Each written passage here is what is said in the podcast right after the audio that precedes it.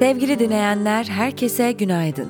Bugün 8 Şubat Çarşamba. Mikrofonda ben İpek Naz Çınar, sizlere günün gelişmelerini aktaracağız. Gündem yayınlarımızı deprem özel akışımızla devam ediyoruz. Bölgedeki depremzedelerden, gazetecilerden ve yardıma giden isimlerden son durumu öğrendik. Bültenimizin devamında durumu kendileri aktaracak.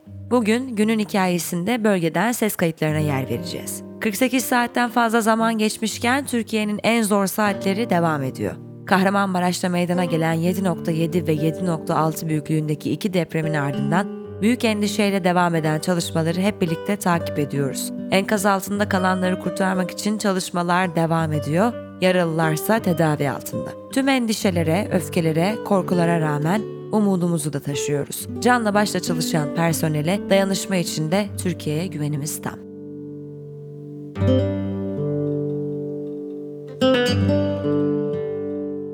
Bugünün bülteni Yatsan'la birlikte ulaşıyor. Uyku ve bu alandaki tüm farkındalık çalışmalarını merkezine alan Yatsan, kendi katkılarıyla hazırlanan mini belgesel serisinde dünya genelinde giderek artan uyku problemini ele alıyor. Ayrıntılar bültende.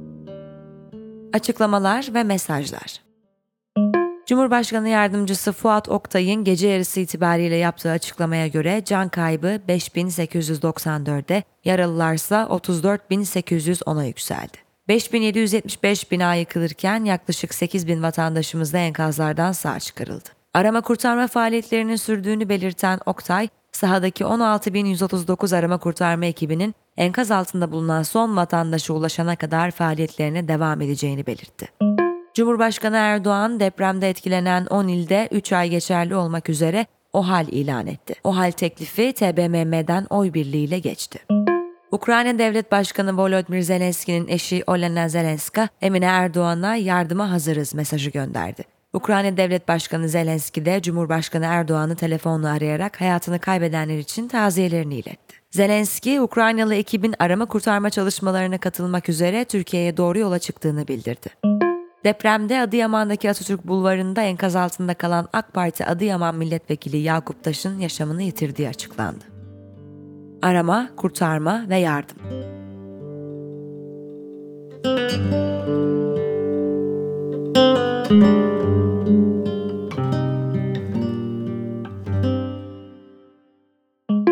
Resmi kurumlar, bakanlar ve yetkililer arama, kurtarma ve yardım faaliyetleri hakkında açıklamalarda bulundular.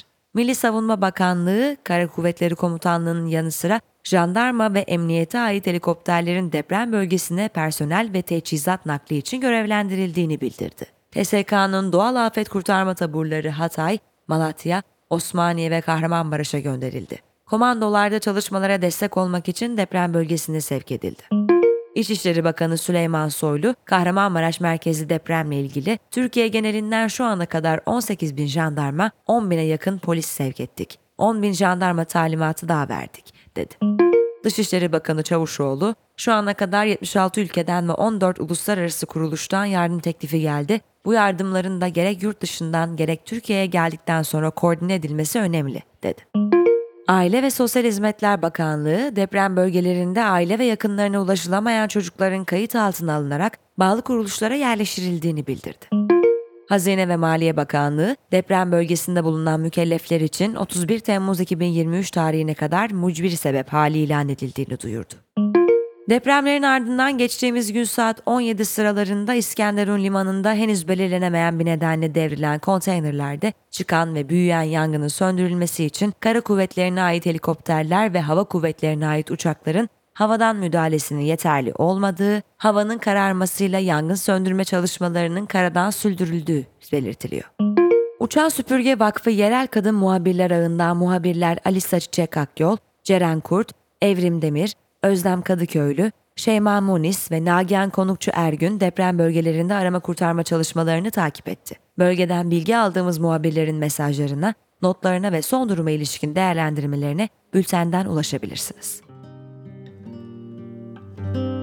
Günün Hikayesi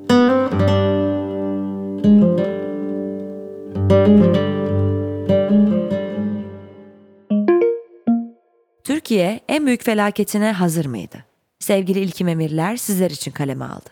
Kahramanmaraş'ta 6 Şubat günü meydana gelen depremlerin ardından sosyal medyadan yapılan paylaşımların bir kısmında ve yetkililerin açıklamalarında Türkiye'nin bir deprem ülkesi olduğu gerçeği vurgulandı. Hem yetkililer hem de vatandaşların bir kısmı yaşananların kaçınılmaz olduğunu vurguladı. Deprem kaçınılmazdı. Ancak Türkiye deprem sonrasına hazır değildi. İlkim emirler Türkiye'nin en büyük depremlerini hatırlatarak hazırlıksızlığı anlattı. Bölgeden ulaştığımız isimlerin değerlendirmelerine yer verdi. Bölgeden ulaştığımız Deva Partisi kurucusu Tunahan Elmas, Adıyaman'daki süreci şöyle anlattı.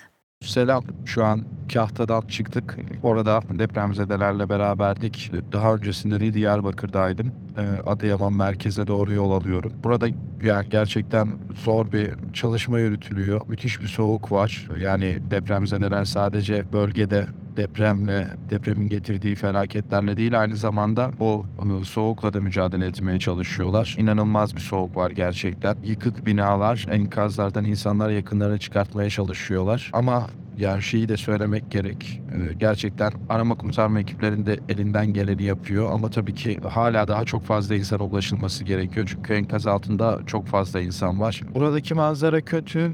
Kötü olmakla beraber esas aslında fatura şu an gözükmüyor ama yarın ağır hasarlı evler çok fazla var ve yarın insanlar yukarıda kışta kıyamette evlerine çıkamadıklarında bu kadar insanın barınak ve korunma problemi çok ciddi sorun olacak. Diyarbakır'da da keza yaklaşık 20 tane bina çökmüş durumda. Hala e, enkazın altında 300'den fazla insan var. 98 kişinin ölüm haberi alındı. 580 civarında da yaralı var. E, ama şehrin özellikle merkez bağlar, Sur, Kayapınar o bölgelerinde ağır hasarlı binalar var. Dolayısıyla bu ağır hasarlı binalarda insanlar ne yapacak, ne edecek, nasıl bir daha, ne şekilde yerlerine gönderilecek. O da çok bir muamma. İnsanlar genelde e, hem Adıyaman'da hem Diyarbakır'da köylere, tek katlı evlere sığınmış durumdalar. E, Köylerde insanlar şehirden gelen insanlara yerlerini açmış durumda. Normalde 100 nüfuslu bir köy şu an e, 850-900 tane insanı ağırlıyor.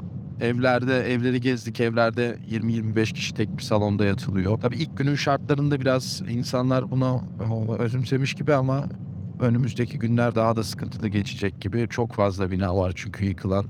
Ağır hasarlı çok fazla bina var. Soğuk, kar, kış belli bölgelerde çok etkili. E, Dolayısıyla buraya ciddi bir şekilde yardım gerekiyor. Büyük bir felaketle karşı karşıyayız. Bizim için de çok böyle iç acıtıcı, can acıtıcı bir süreç. Elimizden geleni yapmaya çalışıyoruz. Bizler de iller arasında mekik dokuyoruz. Yardımları ulaştırmaya çalışıyoruz. Oradaki durumu iletmeye çalışıyoruz. Mahsur kalmışlara yardım etmeye çalışıyoruz. Şimdi Adıyaman merkezde de 25 kişilik bir grup yiyecek ve giyecek arıyorlar. Konumları geldi onların yanına doğru geçmeye çalışıyoruz. Şanlıurfa'daki bağımsız gazeteci Rabia Çetin ise kentteki durumu şöyle paylaştı. Ben şu anda Urfa'da e, merkez ilçelerden Haliliye'deyim. Haliliye e, Urfa Valisi ve Urfa Büyükşehir Belediye Başkanı'nın da söylediği gibi en çok yıkımın olduğu merkez ilçe. E, Haliliye ilçesi İpek Yol Mahallesi'ndeyim. E, burada Osman Ağa Apartmanı diye bir apartman e, çöktü. 6 katlı 12 dairenin olduğu bir apartman. E, dünden beri bu apartmandan 11 tane cenaze çıkartıldı. E, 21 kişi de yaralandı, yaralı çıkartıldı bu apartmandan. Urfa'daki durumu şöyle anlatabilirim. Urfa Valiliği 57 binada hasar var. Dördünde çalışmalar sürüyor demişti. Bir tanesi Bilecik ilçesinde. Üçü de kent merkezinde olmak üzere dört binada arama kurtarma çalışmaları devam ediyor. Benim şu an bulunduğum yerde Osman Ağa Apartmanı'nın yanı sıra sol tarafında bir apartman daha var. O apartman dün ikinci depremde yıkılmış. Aslında ilk depremde ağır bir hasar görmüş, mühürlenmiş ancak bir aile yeniden mühürü kopartıp içeriye girmiş ve ikinci depremde o bina tamamen çökmüş. O binada içeriye giren ailenin dört ferdi de hayatını kaybetmiş. Sadece bir kişi, bir çocuk kurtarılmış. Olduğum bölge yani İpek Yol Mahallesi daha çok Bahçeli Evler semti diye geçiyor. Bahçeli Evler semti de 40 yıllık binaların olduğu bir semt ve neredeyse bütün binalarda hasar var. Bu nedenle bütün binalar boşaltılmış durumda. Zaten Osman Ağa apartmanının daha doğrusu enkazın olduğu yerin sağındaki ve solundaki apartmanların önüne de şerit çektiler. Çünkü e, onların da her an çökme riski var. Burada çalışma yapanlar ikinci bir daha doğrusu üçüncü bir depremde bu binaların da çökebileceğini söylüyorlar ve kimseyi oraya yaklaştırmıyorlar. Şu anda çalışmalar devam ediyor. Kent merkezinde e, birçok insan evlerine giremiyor. E, o nedenle herkes ya arabalarında ya da kırsalda evleri, akrabaları olanlar köylere gidiyorlar. E, burada şöyle bir sorun var. Su ve ekmek sıkıntısı var. Bunu e, Urfa Büyükşehir Belediye Başkanı da gün içerisinde söylemişti ve fırıncılardan rica etmişti çalışmaları için. Bu arada sosyal medyada Urfa'ya dair işte ekmek fiyatlarının iki katına çıkartıldığına dair e, iddialar vardı. Urfa Valiliği de bu konuda bir yaptırım uygulayacağını duyurmuştu. Benim kendi ailem kırsalda yaşıyor. Onlar dünden beri dışarıdalar. Kırsala çok fazla yardım gitmediğini söyleyebilirim. Ha, kent merkezine de yine Urfa Büyükşehir Belediye Başkanı söylemişti. Dışarıdan gelen herhangi bir yardım yok. Diyarbakır'dan ulaştığımız bir depremzede ise son duruma ilişkin şu bilgileri verdi. Diyarbakır'da şu an genel itibariyle durum iyi. Biz köydeyiz şu an merkezde değiliz. Köye geldik yani. Bütün akrabalar genel olarak. E, fakat Diyarbakır merkezde çok sayıda yıkılan bina yok. Hasarlı binalar var. İnsanlar genellikle barınabilecekleri yer bulabilmişler hani. E, şu anlık çok yüksek bir sıkıntı yok. Fakat Adıyaman çok büyük sıkıntıda. Adi- Adıyaman'da kime ulaşmaya çalışıyorsak hem iletişim sıkıntılı hem de hiçbir ekip hiçbir yardım yok diyorlar. Malatya'dan bir kişi kentte yaşananları şöyle anlattı.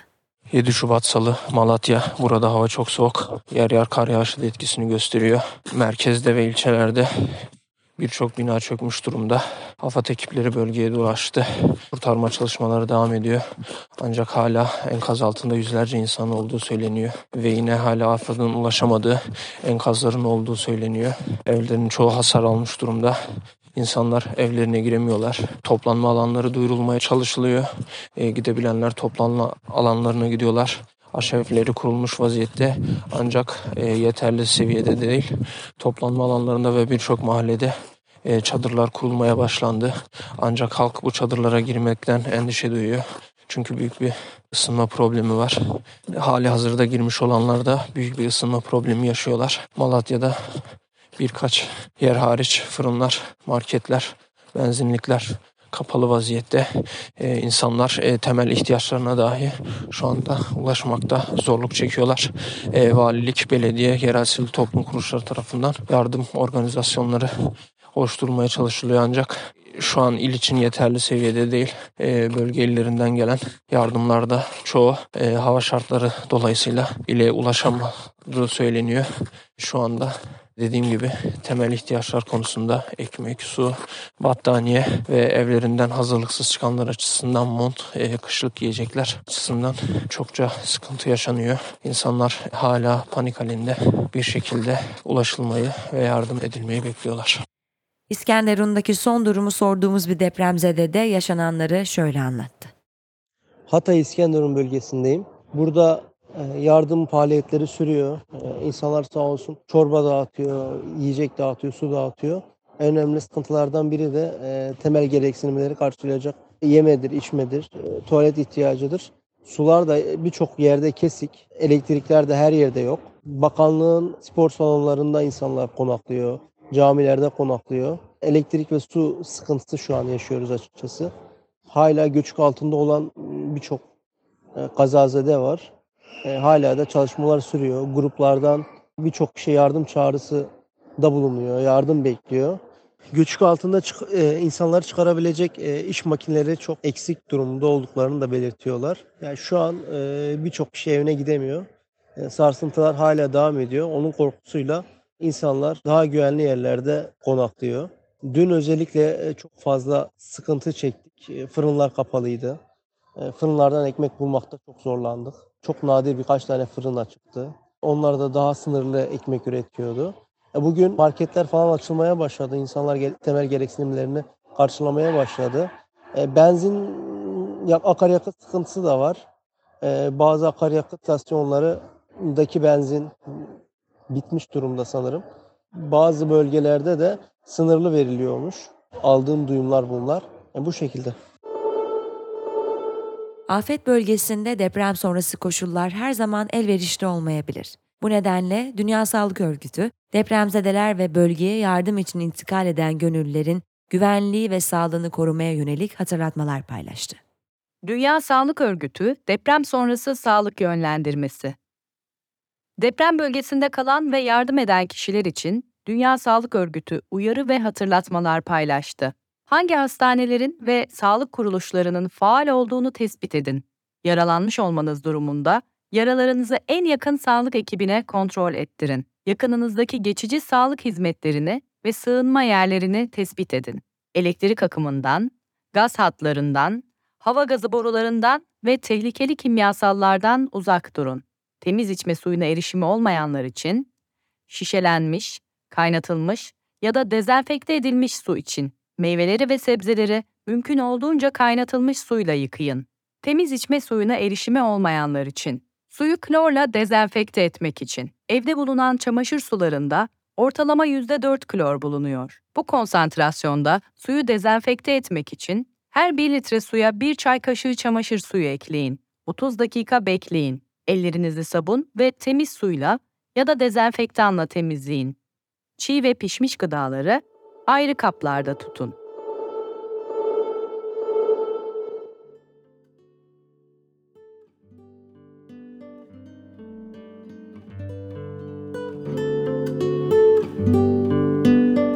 Evet sevgili dinleyenler, bugünün bülteni Yatsan'la birlikte ulaştı. Mikrofonda her çarşamba olduğu gibi ben İpek. Çok üzgünüz. Ben de yaşananlar karşısında açıkçası diyecek bir söz bulamadığım bir noktadayım sevgili dinleyenler. Kayıplar çok acı. Herkese önce sabır, daha sonra mücadele gücü diliyorum. Umarım güzel haberler aldığımız bir gün olur. En güncel haberlerle tekrar sizinle oluncaya dek şimdilik hoşçakalın.